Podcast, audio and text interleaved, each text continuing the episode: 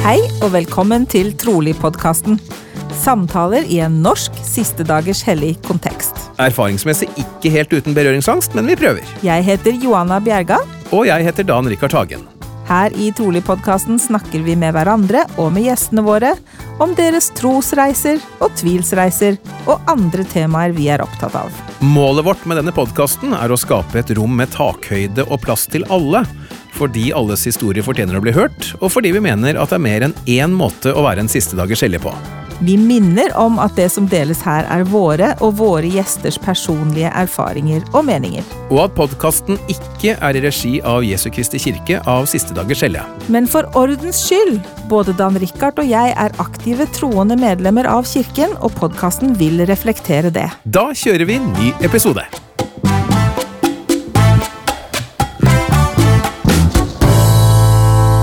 Er det på tide å ønske velkommen til episode 35 av Trolig-podkasten. I studio sitter som vanlig Johanna og Dan, riktignok på hver vår kant av landet. Og nå, nå begynner jeg på en måte å ane litt uh, vårstemning, Johanna. Ja, vårstemning, det er helt korrekt. Uh, men, uh, men, det jeg er mest bekymret for akkurat nå, er at uh, kameraet på PC-en min er i ferd med å ta kvelden. Så det, er, det ja, ser jo ut det, som jeg står Der har det skjedd et eller annet. Ja, nå, det, du spretter rundt på skjermen her som en Pinocchio-dukke eller noe sånt. Ja, og du dukker opp på min, og jeg, ja, i det hele tatt. Det er ganske, her. ganske skremmende. Ja. Heldigvis så er det ikke film vi lager. Nei, det er ikke film vi lager. Vi har ikke begynt med sånn YouTube-podkast ennå. Nei, det, det ser ut til å være like greit akkurat nå, i hvert fall. I hvert fall med det kameraet der, ja. Mm. Men uh, i dag har vi en, en, en, gjest jeg gleder meg veldig til å bli bedre kjent med, og som jeg kanskje tror at de fleste av lytterne våre heller ikke kjenner noe særlig til, og det er Tina Tronsen i Tønsberg. Tina, hei! Hei, hei! Velkommen til Trolig-podkasten. Kjempegøy at du sa ja til å ville være med på den. Jo, tusen takk for at jeg får lov å være med. Ja, Vi gleder oss til å bli bedre kjent med deg, vi. Fordi uh, hvem i all verden er Tina, da? Vi, eneste vi vet, er at du er fra Tønsberg-området. Nei, Tina hun er adoptert. Ja. Og kom til Norge i 1966, faktisk. Så det er mange år gammel, og så jeg er 60 år gammel i år. Ja, ja men gratulerer ja. med det. Jo, takk skal du ha. Rundt tall, det må feires. Ja, det, det, var i fjor, da. Det var i fjor, så, ja. Så, ja, det var i november. Så vi har feira det, men vi feirer det, skal feire sammen med familien til sommeren. da. Akkurat. Vi tar oss en tur til London. Oi, du verden, du verden. Ja. og familien, den består av? Den består av meg og to gutter. En på 33 og en på 30. Okay. Og den eldste han er ja, helse- og sikkerhetsansvarlig og klatreinstruktør på eh, den der hallen som heter Snø. Ja, riktig. I Oslo. Stemmer. Og min yngste, han er autist. Med, blanda med alt mulig annet. Men han er fullt fungerende og jobber som bare det. Så flott. Ja da. Det har vært en lang vei, men det, vi kom dit til slutt. Ja, ikke sant. Det er sånn det skal være. Man må stå på litt. Ja, ja, ja, helt klart. Helt ja, klart. Ja. Um, ellers så har jeg jobba med redning og bistand si, ja, i 38 år nå, blir det vel. Oi. Wow. Ja. ja, det var litt før det folk visste egentlig hva det var. Så I gamle dager så var det liksom sånn Du jobber med hva? Ja, jeg jobber med redning og bistandsarbeid. Hva er det for noe? Ikke sant? Og det, det, er jo litt dit vi skal også. Vi vet jo selvfølgelig litt hva det er, mm. men jeg kan tenke meg at uh, med 38 år i den bransjen, så har du en god del historier på lager? Om jeg har! Ja. Oh, ja det er mye, Dette er vi jo nødt for å høre mye, litt om. Mye rare historier. ja, Du får ta den rareste av dem, da. Oi, ja, det rareste må jo være at jeg fant uh, en kollega oppi en septiktank. Vi, vi, hadde fått inn noen enorme store septiktanker, så da jeg laga keramikk. Uh, og dette var i Afrika et sted. Og um, de er enorme, de er kjempehøye, for de skal jo helst vare for uh, folk sitt toalettbesøk i noen år. da. Og da var det ei tøtte. Hun hadde jo funnet ut, ja, hun hadde en kjæreste og funnet seg lokal kjæreste. Og skulle stikke seg av gårde og gjøre, ja, sikkert bli hyggelig kjent med hverandre. Så de hadde klatra oppi den greia der, da. Men poenget var jo det at de hadde jo helt misforstått hvordan komme ut av den greia. For den er jo bøyd, ikke sant? Så måten du kommer inn, er ikke samme måten du kommer ut. Så vi våkna av at det hylte og skreik og bla, bla, bla. Og jeg tenkte jøss, hva er dette for noe? da?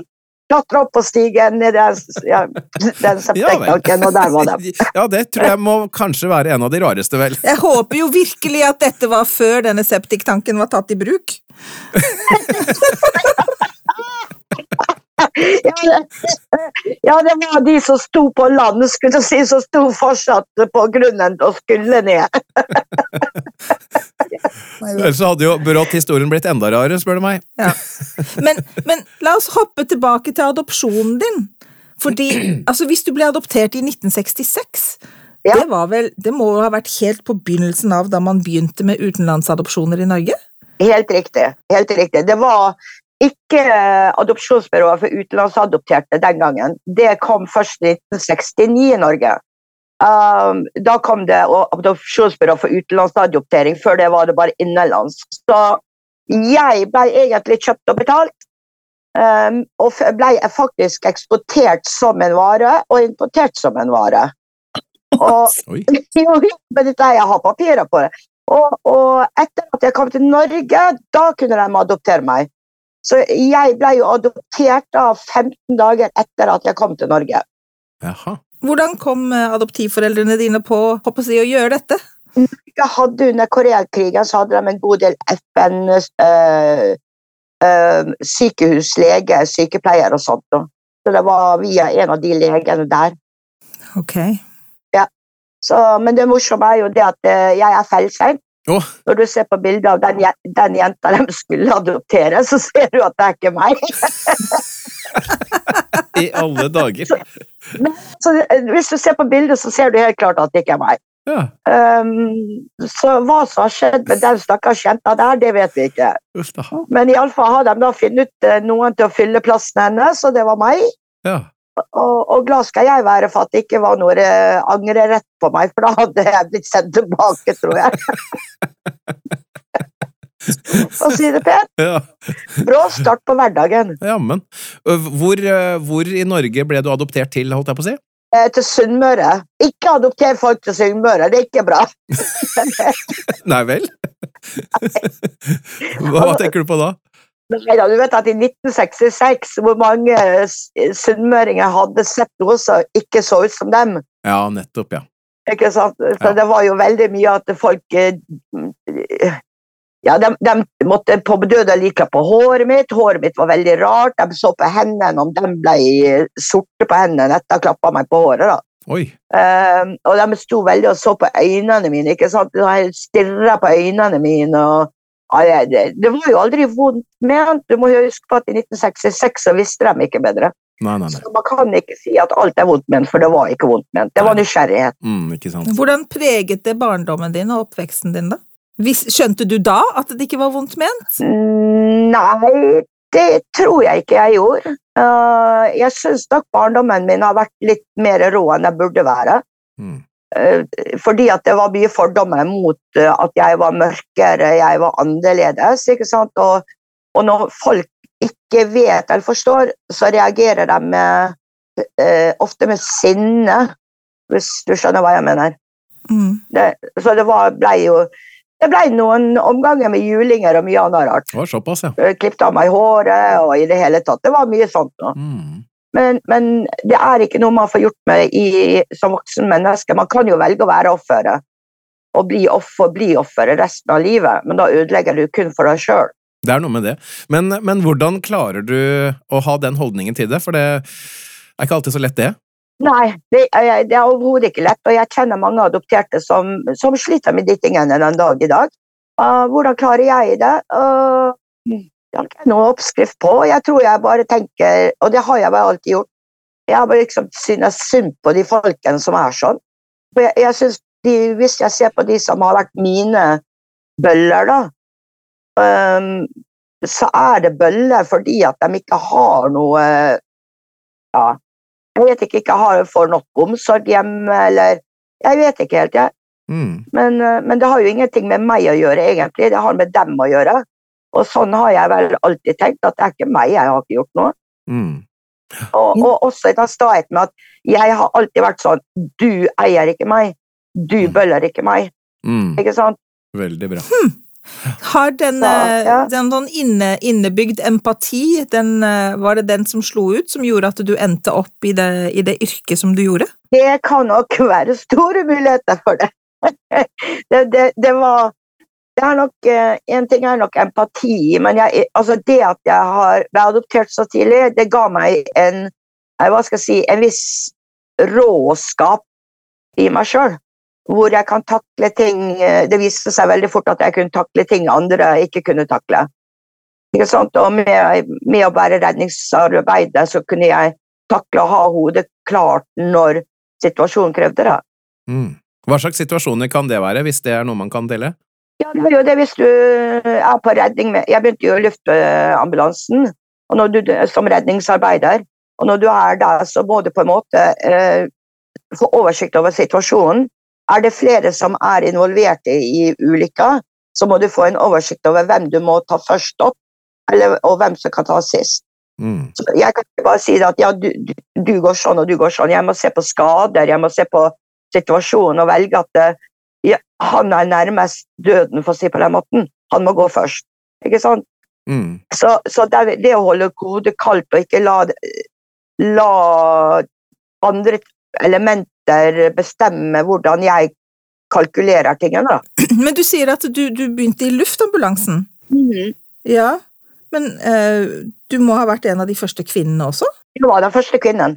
Som var den første kvinnelige? Oi! Ja. Ja, hvordan, hvordan kom altså, Hva var veien som førte deg dit? Jeg vokste opp på Sunnmøre, og der er det to ting. Der er det fjell, og så er det fjord. Og mer fjell og fjord. Og, og driver du, altså Noe må du gjøre, og da ble det dykking på meg veldig tidlig. Jeg begynte veldig tidlig å dykke. Uh, og så flytta foreldrene mine ned til Oslo, uh, hvor jeg gikk på uh, universitetet, og der var det en gjest, um, en professor, som hadde en gjestelesning.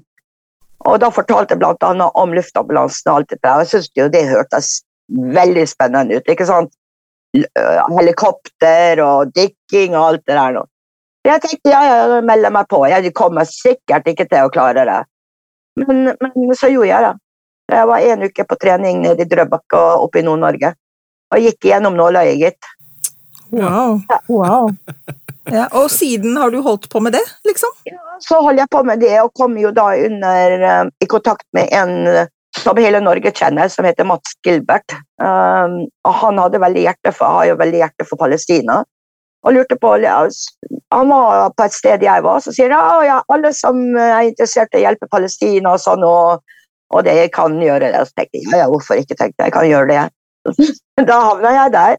Mm, og sånn var det jeg begynte på den eh, veien, da. Bistandsarbeid. Ja, Ble det bistandsarbeid. du nevnte at du kom nettopp hjem tilbake fra Tyrkia. Eh, Hvor er det du jobber nå? Jeg jobber i EU uh, i Brussel. Jeg jobber som kaos- og kommunikasjonspilot. Ok. Eller koordinator, kan du si. da. Ja. Så du har vært i Tyrkia i forbindelse med jordskjelvet, antar jeg? Ja. Ja. Med jobben min, for jobben min. Mm. Og hva var oppgaven din der? Det er jo å få en oversikt eh, og prate med, ja, med andre organisasjoner som er der nede. Mm. Og for å finne løsninger på hvordan gjøre dette. her, For veldig ofte, dessverre, når det skjer en ulykke eller en krig, eller hva som helst, så, så kladder de seg ofte på de samme stedene. Sånn at bistands, effektiviteten av bistandsarbeidet blir veldig liten. Fordi at Der på en måte Unicef kladder seg, der er Røde Kors, der er Leger uten grenser, der er alle de andre. Men hjelpen kommer på en måte ikke beyond, altså beyond eh, videre. Um, sånn at jobben min er på en måte også å få dem til å spre seg litt, og også samarbeide i forhold til lister, navnlister. Uh, si at Røde Kors får noen navn på unger eller voksne som er på, ja, forsvunnet. da. Og da ha et samarbeid med Unicef, eksempel, som også har liste, Så kan du på en måte koordinere de to listene. Da er det større muligheter for å finne folkene de etter. Jeg så en, eh, et lite innslag eh, fra Du var på nyhetene, var det vel? I Vestlandsnyhetene eller noe sånt nå. Og jeg la merke til en uttalelse du kom med der om hva du opplevde. Hvor du sa noe sånt som at hvis folk hadde skjønt uh, hvor ille det var, så Eller du var glad for at folk ikke skjønte hvor ille det var, for da hadde de satt seg i en krok og, og grått, sa du. Ja, ja, stemmer, stemmer. Jeg sa det. Fort, fortell litt om hva det var du opplevde. Eh, vi kom jo ned til, til Tyrkia og ble henta med biler osv. Men da, eh, dag to da, så ble vi henta i helikopter. eh, og fløy over områdene, så da jordskjelvområdet. Og eh, det, det, jeg vet ikke om vi klarer å fatte det, for det så ut som en sånn herre Furutalistisk eh, det, det, det, det, så bare helt grusomt ut. Det, det, var ikke noe tegn på liv. Det var ikke bygninger, det var ikke veier. Det så ut som en grusom Hollywood-movie, rett og slett. Uh, vi fløy såpass langt ned at vi også så folk som uh, gravde i ruinene. Som da i håp om å finne noen. Og vi så Det er en organisasjon som har begynt å satt opp røde ballonger for hvert barn som er savnet. Um, det er veldig mange røde ballonger. Og, og, når du flyr over det og ser det, så gjør det noe med deg. Um, jeg er veldig, som jeg sa den gangen, og jeg sier det igjen, at jeg er veldig glad at vi ikke klarer å oppfatte og omfavne det. Det, det, det er grusomt. Mm. Ja, og Tyrkia og Syria, øh, de delene av Syria som ble rammet, det her er jo allerede Altså, det er store områder, og det er veldig mye mennesker. Ja. Altså, vi, vi, lille Norge, liksom, vi er fire-fem millioner, og Tyrkia er jo Det er så stort! Det er så mange mennesker som er rammet. Ja, det, det, det er som halve Europa, ikke sant, og litt til. Mm. Og, men da må du huske på det at eh, befolkningstettheten i Tyrkia er mye, mye, uh, mye større. Ja. Ikke sant? Så Nei, altså, jeg, jeg, av alt jeg har vært med på, alt jeg har sett, så tror jeg nesten dette, her, dette her er det verste jeg har sett. Det være seg menneskeskapt krig eller andre eh, naturkatastrofer. Ja, når, har, eh, når, dette tas opp, så er det nettopp markert ettårsdagen for eh, krigen i Ukraina. Og jeg vet at du har vært eh, involvert der også? Ja, jeg har, jeg visst det. Ja, jeg stemmer. Jeg har vært der noen ganger òg. Ja. Og ene gangen så var Putin så veldig grei at han bomba 150 meter fra der jeg så. Så jo da, så, jo da jeg har vært der og, og eh, altså, Man skal ikke forminske situasjonen i Ukraina, for den er ille. Og jeg tror ikke man skal sette Tyrkia eller Ukraina opp mot hverandre, for det er så forskjellig. Det eneste vi må tenke på, er at de begge plasser trenger hjelp. Mm. Jeg tror det er det viktigste. Ja. Jeg kjenner jo, jeg må jo innrømme det, at jeg har kjent litt på det. Jeg er jo kjempehappy for at Norge har tatt imot så mange flyktninger fra Ukraina som de har gjort, men jeg kjenner også at jeg blir litt opprørt over at, at man samtidig velger å strupe antall FN-flyktninger fra 3000 til 2000. Men 40 000 ukrainere, null problem, det klarer vi fint. Så tenker jeg, jeg skjønner ikke helt uh, tankegangen der. Nei, det, det, er du ikke alene om. Uh, meg inkludert. Uh, men dette her er politikk. Du må ja. huske på at flyktning, flyktning, flyktningarbeid er dessverre ren skjær lobbyvirksomhet og politikk. Og nå får jeg vel snart sparken på jobben. For det er vel ikke sånn jeg skal mene, men, men de er vant med det. du må huske på at Ukraina er et land vi tar nytte av. Vi trenger Ukraina i forhold til mat, i forhold til eh, andre ressurser. Ikke sant? Derfor så må vi på en måte ha Ukraina på vår side, også fordi at Ukraina er en buffersone mellom Russland og, og, Europa, krigsmessig sett. ikke sant? Uh, vi trenger å ha Ukraina på vår side også pga. det. Mens du kan si fra Syria, flyktninger fra Syria eller Afghanistan eller Afrika, dem har vi i hermetegn rå, rå tenkning ikke behov for. Altså, mm. De er ikke nyttige for oss, hvis du skjønner meg. Mm. Beklager at jeg tegner det bildet, der, men det er dessverre sånn det er. Mm. Uff. Ja. Men opp, opprørende er det, og jeg jeg, ja, jeg kommer ikke til å slutte Altså, jeg er su, som sagt superglad for at vi tar imot ukrainerne med åpne armer, og at vi stiller opp og hjelper og og får de integrert og bosatt og i det hele tatt, men jeg skulle ønske at vi kunne utvise den samme Hva heter det for noe hjert... Øh, gjestfriheten i forhold til, til andre. For det, det er jo ikke sånn at alle vil til Norge. Nei, altså jeg, jeg, vil si at veldig få vil til Norge, egentlig. Ja, ikke sant? Altså, og det er jo gjerne retorikken man får høre. da, ikke sant? Ja, vi kan ikke åpne opp alle sluser, for da kommer alle hit. og det, Skal vi redde alle? Vi kan jo ikke redde alle. Nei, det er ikke det vi sier. Det er ikke det jeg sier, men jeg sier at vi kan klare mer enn 2000 FN-flyktninger i året.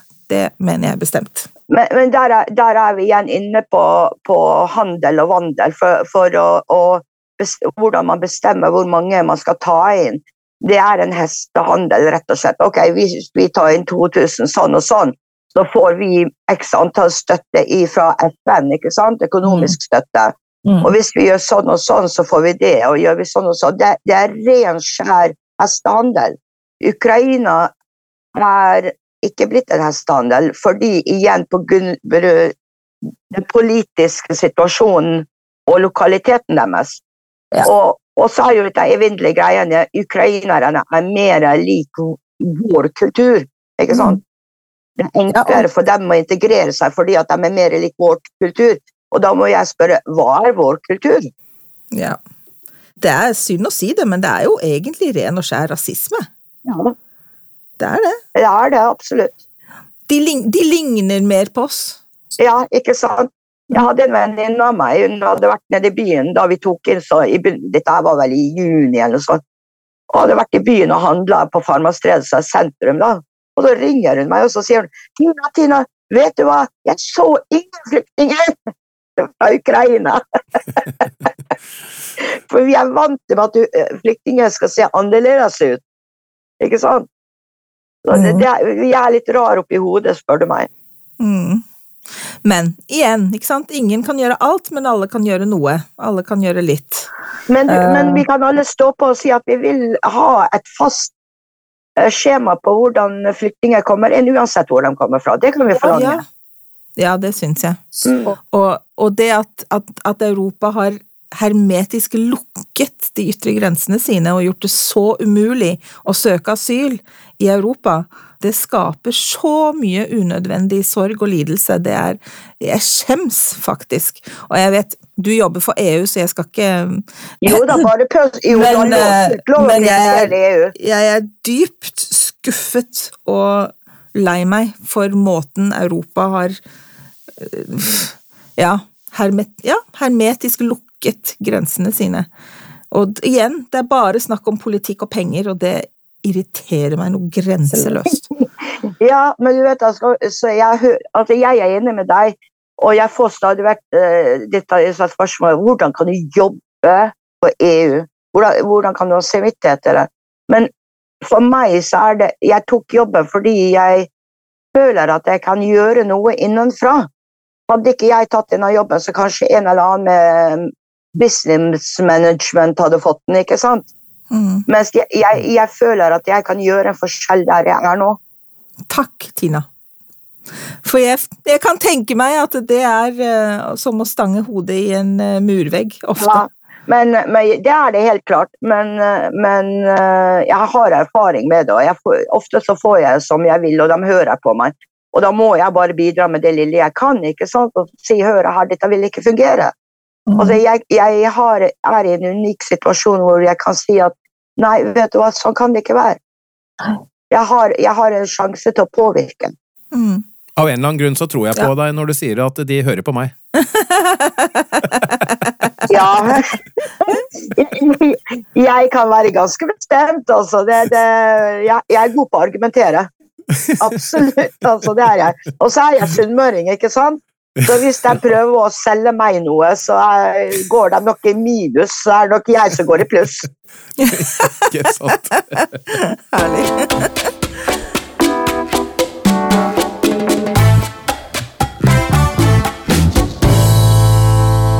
Velkommen tilbake til eh, Trolig med Dan og Johanna, og i dag snakker vi med Tina Tronsen i Tønsberget.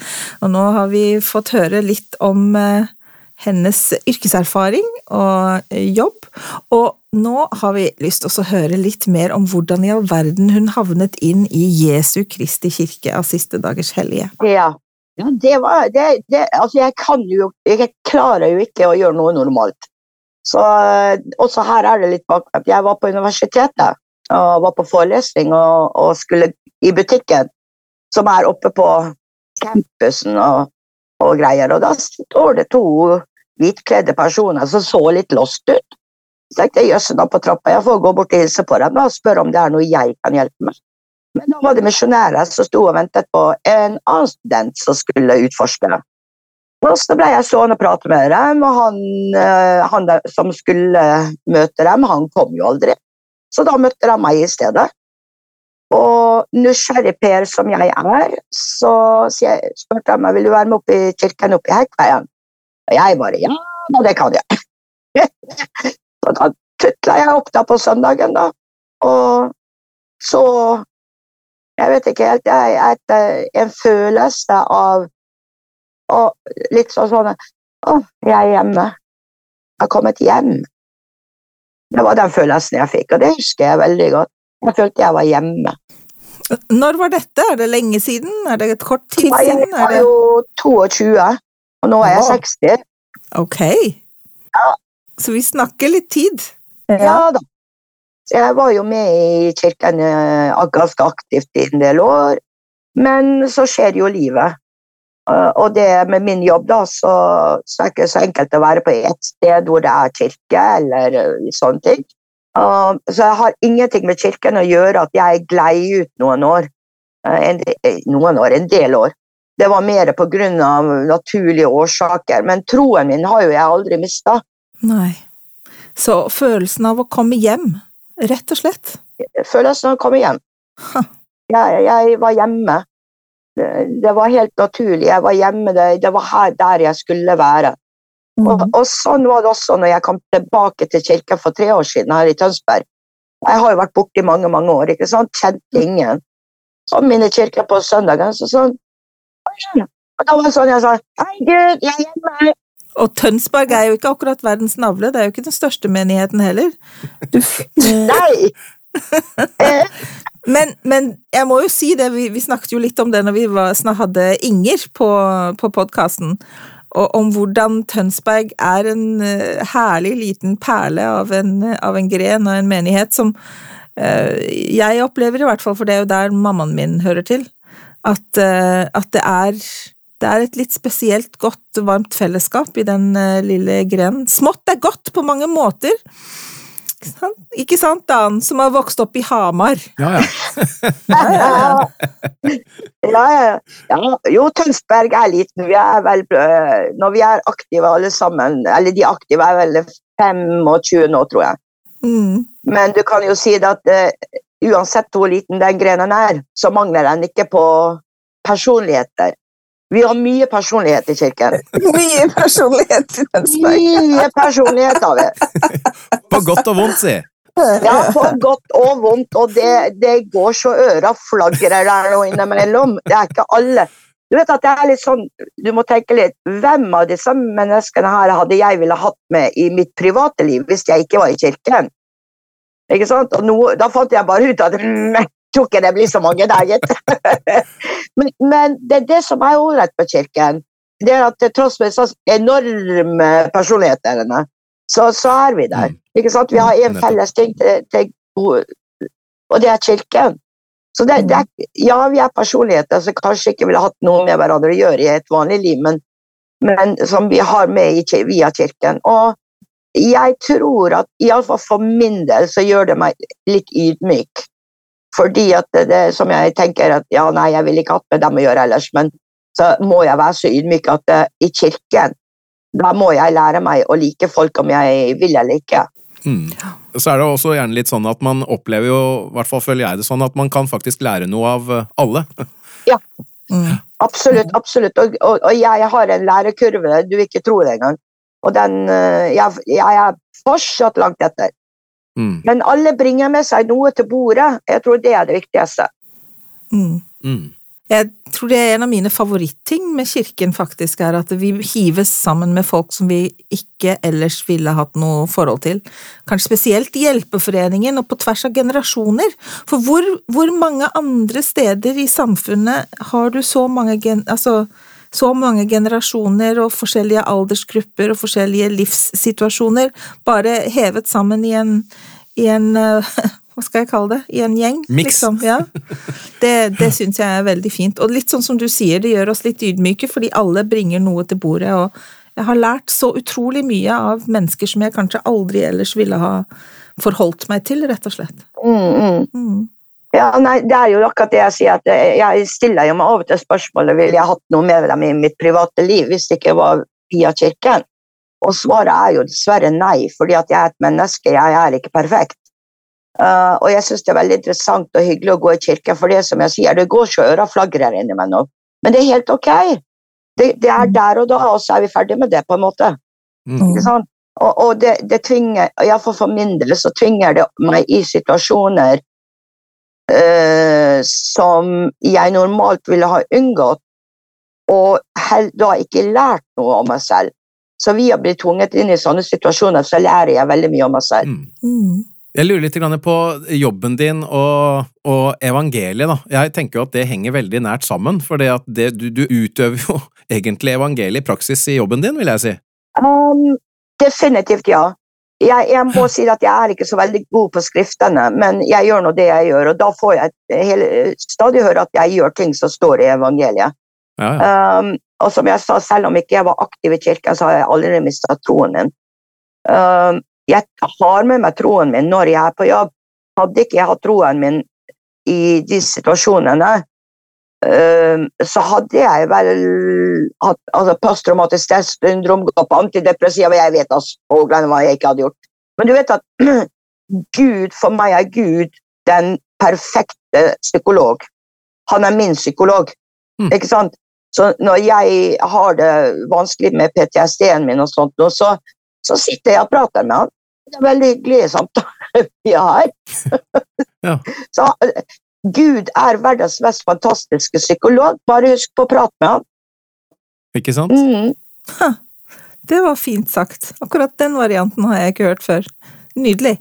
Eh, Men jeg tenker, eh, det her blir jo kanskje litt sånn svevende og filosofisk, men du vet ikke sant, dette klassiske spørsmålet, ikke sant, hvis Gud fins, hvordan kan han tillate at det skjer så mye fælt? Har du gjort deg noen tanker om det? Eh, Det har jeg gjort med mange tanker om, og for lenge siden. Det er ikke Gud som starter krig. Det er mennesker med store mangler og feil som starter krig i hans navn.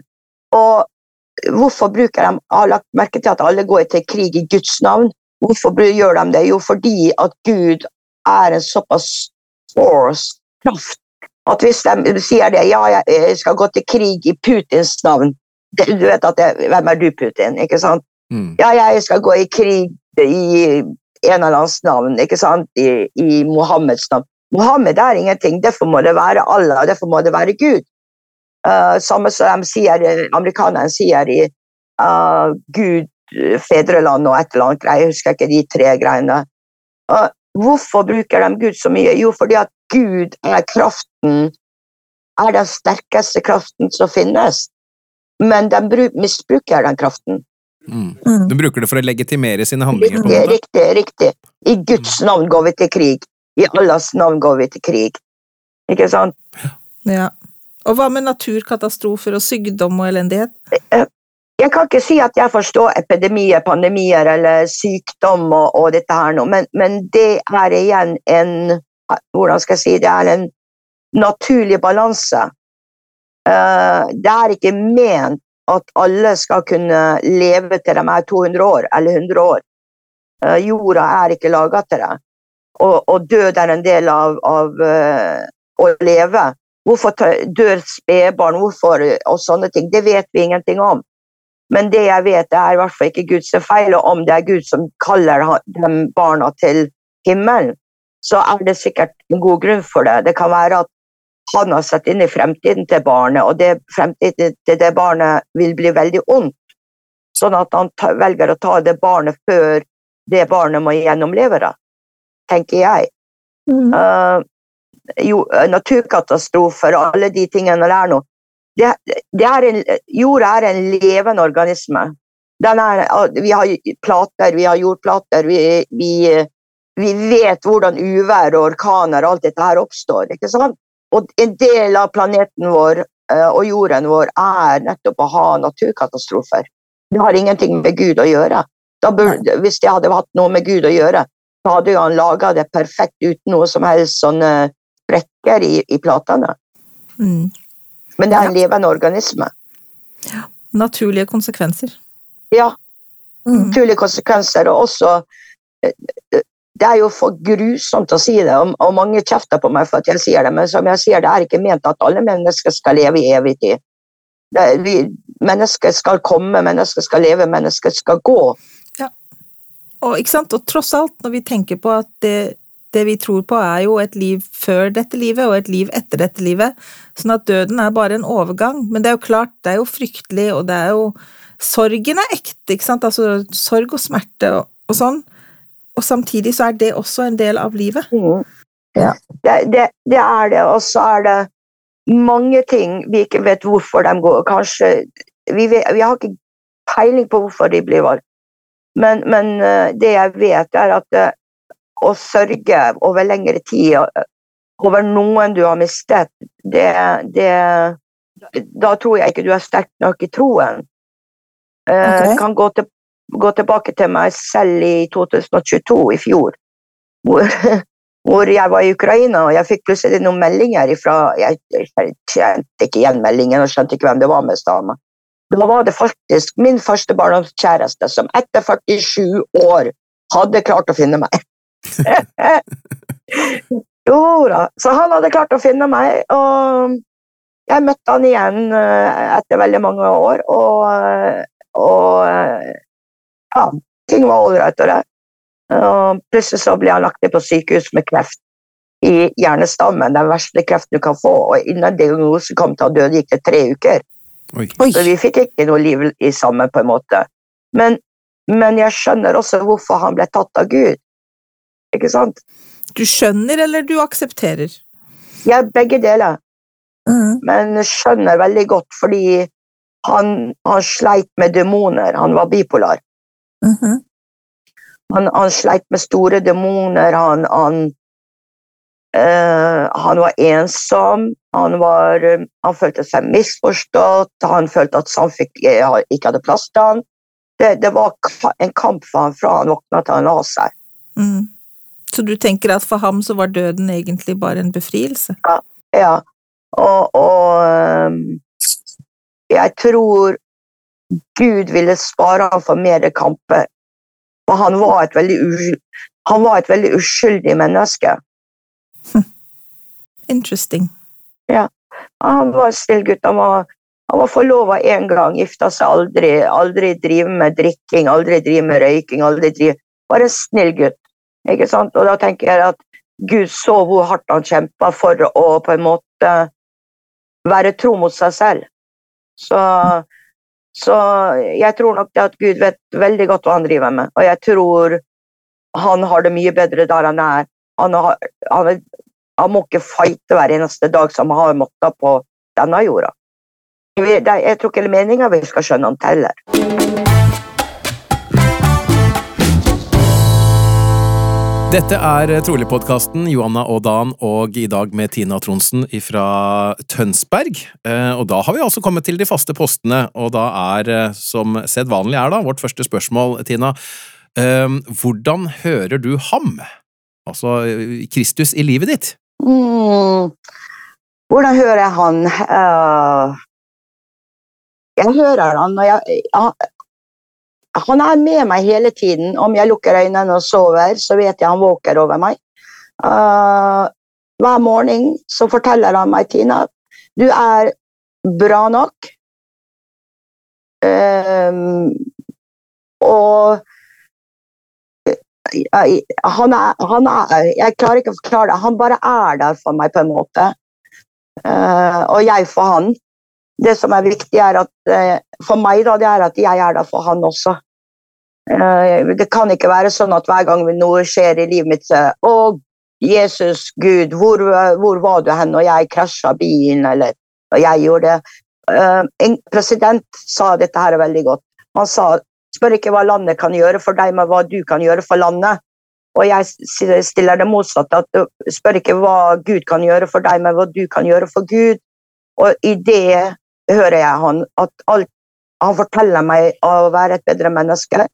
Han forteller meg at jeg må, må holde på troa når, selv når folk fordømmer meg og min tro. Um, så jeg hører han i alt jeg gjør. Ja. ja. Det trenger ikke være mer komplisert enn som så. Nei, er, for meg så er det ikke det. Jeg, jeg er en veldig enkel sjel. Men eh, vet du hva, dette er etter min mening et av de beste svarene vi har fått på akkurat det spørsmålet. Mm. Og så sa du at du føler at, eh, du føler at han på en måte hver morgen forteller deg at du er bra nok. Den sliter mange med. Mm. Ja, det, han, han, gjør det. Altså, og dette er ikke tull engang. Jeg våkner om morgenen og, og, og kommer meg ut av senga, liksom, og det, det jeg hører i mitt hode Ja, men Tina, du er bra nok. Det, det, det, jeg er bra nok for han, og det er det mm. viktigste. Mm. Ikke for motavdelinger eller for andre ting, men jeg er bra nok for han, og det er det eneste jeg vil. Um, så pleier vi å spørre er det, er det noe du tenker i forhold til kirken at det kunne de gjort annerledes? Og hvis du hadde noen autoritet eller mulighet til å endre på noe, hva ville du ha forandret på? Uh, det er et stor, veldig stort spørsmål. Egentlig mm, Av og til jeg kunne tenkt meg jeg kunne forandre på noe, men så er det det at jeg er medlem av kirken. I kirken vi tror på en profet, og vi tror på at det innovative som skal skje i kirken, det får profeten vår uh, enlightenment Åpenbaring? Åpenbaring om. Ja. Uh, ja, som menneske så tror jeg det er en del ting jeg vil ha forandra. Men jeg vet også at som menneske så er ikke jeg alltid klar for de forandringer jeg tror jeg er klar for. Eh, derfor er det fint at vi har en profet, han får åpenbaringene når Gud vet at vi er klar for det. Ja, fair enough. Det jeg savner litt blant medlemmer i kirka, er kanskje litt mer engasjement. Hva tenker du på da? Eh, litt i Statene og i England og andre land ser jeg dem, de er enormt engasjert når det gjelder ting og tang. Nærmiljøet sitt eller, eller flyktninger eller hva som helst. Og, og, det jeg savner litt i Norge, det er at vi engasjerer oss i litt mer ting. At f.eks. en eller annen stav sier at å ja, nå er det Tyrkia. Det hadde vært veldig fint om Hjelpeforeningen f.eks hjalp til å sy små poser, så vi kan putte tannbørsten, tannkremen i og alt dette her nå, og sende nedover. Altså, jeg, jeg savner engasjement. Enig. Av og til så syns jeg vi blir litt for uh, Ikke selv opptatt, men jo, litt. Altså, vi er litt sånn i vår egen lille boble, og så holder vi på med våre egne lille koseting, og så er vi ikke så flinke til å engasjere oss i, i ting for andre. Det kunne vi vært bedre på. Jeg tror det har litt å gjøre med at vi er få, at vi tenker at ja, men vi er ikke mange nok til å få det til, men, men jeg tror at det er, litt, eh, det er litt feilslått. Altså, vi kunne gjort mer. Og så kunne vi gjort litt mer sånn som Kirken gjør på generalplan, samarbeidet med andre organisasjoner. Mm. Og, og, det så jeg når jeg var i Tyrkia. Og jeg må mm. si det at eh, da, da, var det nesten sånn jeg felte en tåre, for jeg så det samme i Ukraina. Jeg så boksene fra kirken. Mm. mm. De der hjelpevoksene med de hendene så sånn. Og det, det, varmer hjertet mitt hver gang jeg ser det. altså. Og når jeg var i Ukraina, så fikk jeg hjelp både fra den slovanske delen og, uh, og fra ukrainske delen av kirken. Så, mm. Og jeg er veldig enig med deg, Johanna. Vi tror alltid at vi er for få, men du vet at om du er fire stykker eller åtte stykker, så er det alltid noen som kan stikke et skjeff eller en lue og, mm. og, ser de tannkrem på tilbud, så kan de alltid kjøpe en ekstra. ikke sant? Mm. Og over tid da samler opp i kirken, og så kan man Hjelpeforeningen komme sammen og, og, gjøre ting med det. Og det holder vi på med nå i Tønsberg. Om vi får det til, det vet jeg ikke. Det kommer an på hjelpeforeningspresidenten, men eh, det virker som hun er positiv. At mm. noen vil sy disse posene, og noen vil strikke luer og skjerf og sitteunderlag, og noen vil lage noe annet. Og da skal vi snu litt på det og spørre deg hva du syns det absolutt beste med å være medlem av Jesu Kristi kirke og Siste dagers hellige er. Skriftene, uh, hvordan uh, skriftene gir meg svar i håpløse situasjoner. Hvordan uh, de, For eksempel, jeg, er sammen med Leine Tønsberg. Så er jeg self, self-reliant person, eller i den gruppen. Og du ser jo nå når prisene går opp, og alt dette der nå. Vi har jo matvarelager. Vi, vi, trenger ikke å løpe og kjøpe ting på det absolutt dyreste. Vi kan, vi kan leve litt på matvarelageret vårt og så gå og kjøpe nytt igjen når det er salg eller på tilbud. Um, I alt det jeg gjør, det å ha troen og være i kirken, så hadde ikke jeg klart det hvis jeg føler av og til at, at uh, kirken backer meg opp også, hvilket den gjør. Den stiller opp med rom til laget for å samle inn ting. Uh, de hjelper meg på alle mulige måter, og, og det åndelige i kirken virker som en antidepressiva på meg. Ja. På hvilken måte da? Det er veldig lett å altså, du, du, Uansett avis du åpner, eller Se og Hør eller Dagbladet Vares altså Dagbladet og Se og Hør har blitt en daglig utgave av Se og Hør. Men, men VG, mener jeg. Men det er noe med det der nå å føle at det ikke alt at det alltid er noe du, du, er ikke perfekt nok i klærne, du er ikke perfekt nok i makeupen, du er ikke perfekt nok i gangelaget eller kiloen din, eller Alt dette er noe havet av dette å ikke være perfekt. Altså, men perfekt i forhold til hva? ikke sant? Mitt eneste mål er å være perfekt til, i forhold til kirken, i skriftene. Det er det for meg som er å være perfekt. Ja, men litt det samme som du sa i stad, at det viktigste for deg er å være god nok for Herren. Ikke, ikke ja, å sammenligne deg med andre mennesker, eller det som verden i anførselstegn liksom forteller deg, da. Forstår jeg deg riktig da? Ja, det er helt riktig, for jeg syns det er så mange som stiller seg om hva Kirken kan gjøre for meg, og hva Gud gjør for meg, og, og alt dette der nå. Kirken har sikkert sine mangler, mangler på ting, ikke at jeg har funnet dem. Men vil du finne dem, så finner du dem nok. Men da, står, da har du heller ikke troa, hvis du finner dem. Eller, eller, at man bare aksepterer at uh, Kirken er en institusjon og en organisasjon på linje med, med alle andre organisasjoner. At de er de, de vil, Man vil finne utfordringer og problemer overalt, ikke sant? Mm. Men, mm. men, men vi har en fordel med at vi at vi tror at kirken ledes av Kristus, og at vi tror på en profet, og, og at vi har ledere i kirken som forsøker å gjøre Guds vilje, da, og lede kirken sånn som han, han vil. Det gir oss jo et lite fortrinn. Absolutt, og med det å ha en, en profet, så er jo kirken faktisk innovativ også. Mm. Selv om det ikke virker sånn.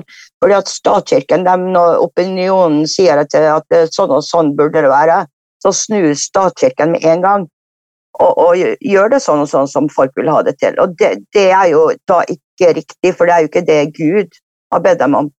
Ikke sant? Det er en opinion som har bedt dem om det. Mm. Og det gjør ikke dem innovative som de tror de sjøl er. Det gjør bare dem avhengig av opinionen. Mens vi har, vi har en, en, profet som blir opplyst, og da er jo det på en måte å være innovativ. Ja, og så har vi det jo innbakt i trosartiklene våre at vi tror på fortsatt åpenbaring, at, vi har, at vi, er, vi har endring innebygd og kan, kan forandre og utvikle og forbedre. Veldig bra, Johanna. Jeg er helt enig med deg. Vi trenger ikke være låst til at ja, men sånn har vi alltid gjort det, så sånn skal det være. Mm. Det var vel noe som jeg mente òg, egentlig. Mm. Tusen takk for at du hørte på dagens episode. Vi er snart tilbake med en ny og spennende samtale.